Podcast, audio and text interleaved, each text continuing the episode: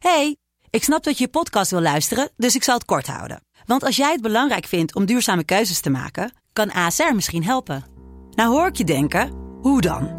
Nou, bijvoorbeeld bij het duurzaam herstellen van schade. Of de premies die we beleggen volgens ons duurzaam beleggingsbeleid. Dat bepaalt waar we wel en juist niet in investeren.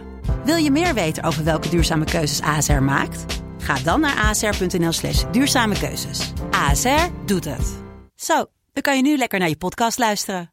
Hey, ik snap dat je je podcast wil luisteren, dus ik zal het kort houden. Want als jij het belangrijk vindt om duurzame keuzes te maken, kan ASR misschien helpen. Nou hoor ik je denken, hoe dan? Nou, bijvoorbeeld bij het duurzaam herstellen van schade. Of de premies die we beleggen volgens ons duurzaam beleggingsbeleid. Dat bepaalt waar we wel en juist niet in investeren. Wil je meer weten over welke duurzame keuzes ASR maakt? Ga dan naar asr.nl slash duurzame keuzes. ASR doet het. Zo, dan kan je nu lekker naar je podcast luisteren.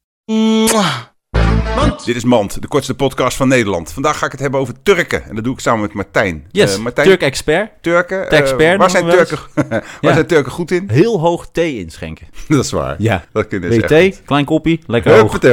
Yes. Hartstikke bedankt. We weten nu alles over Turken. Tot ziens. Mant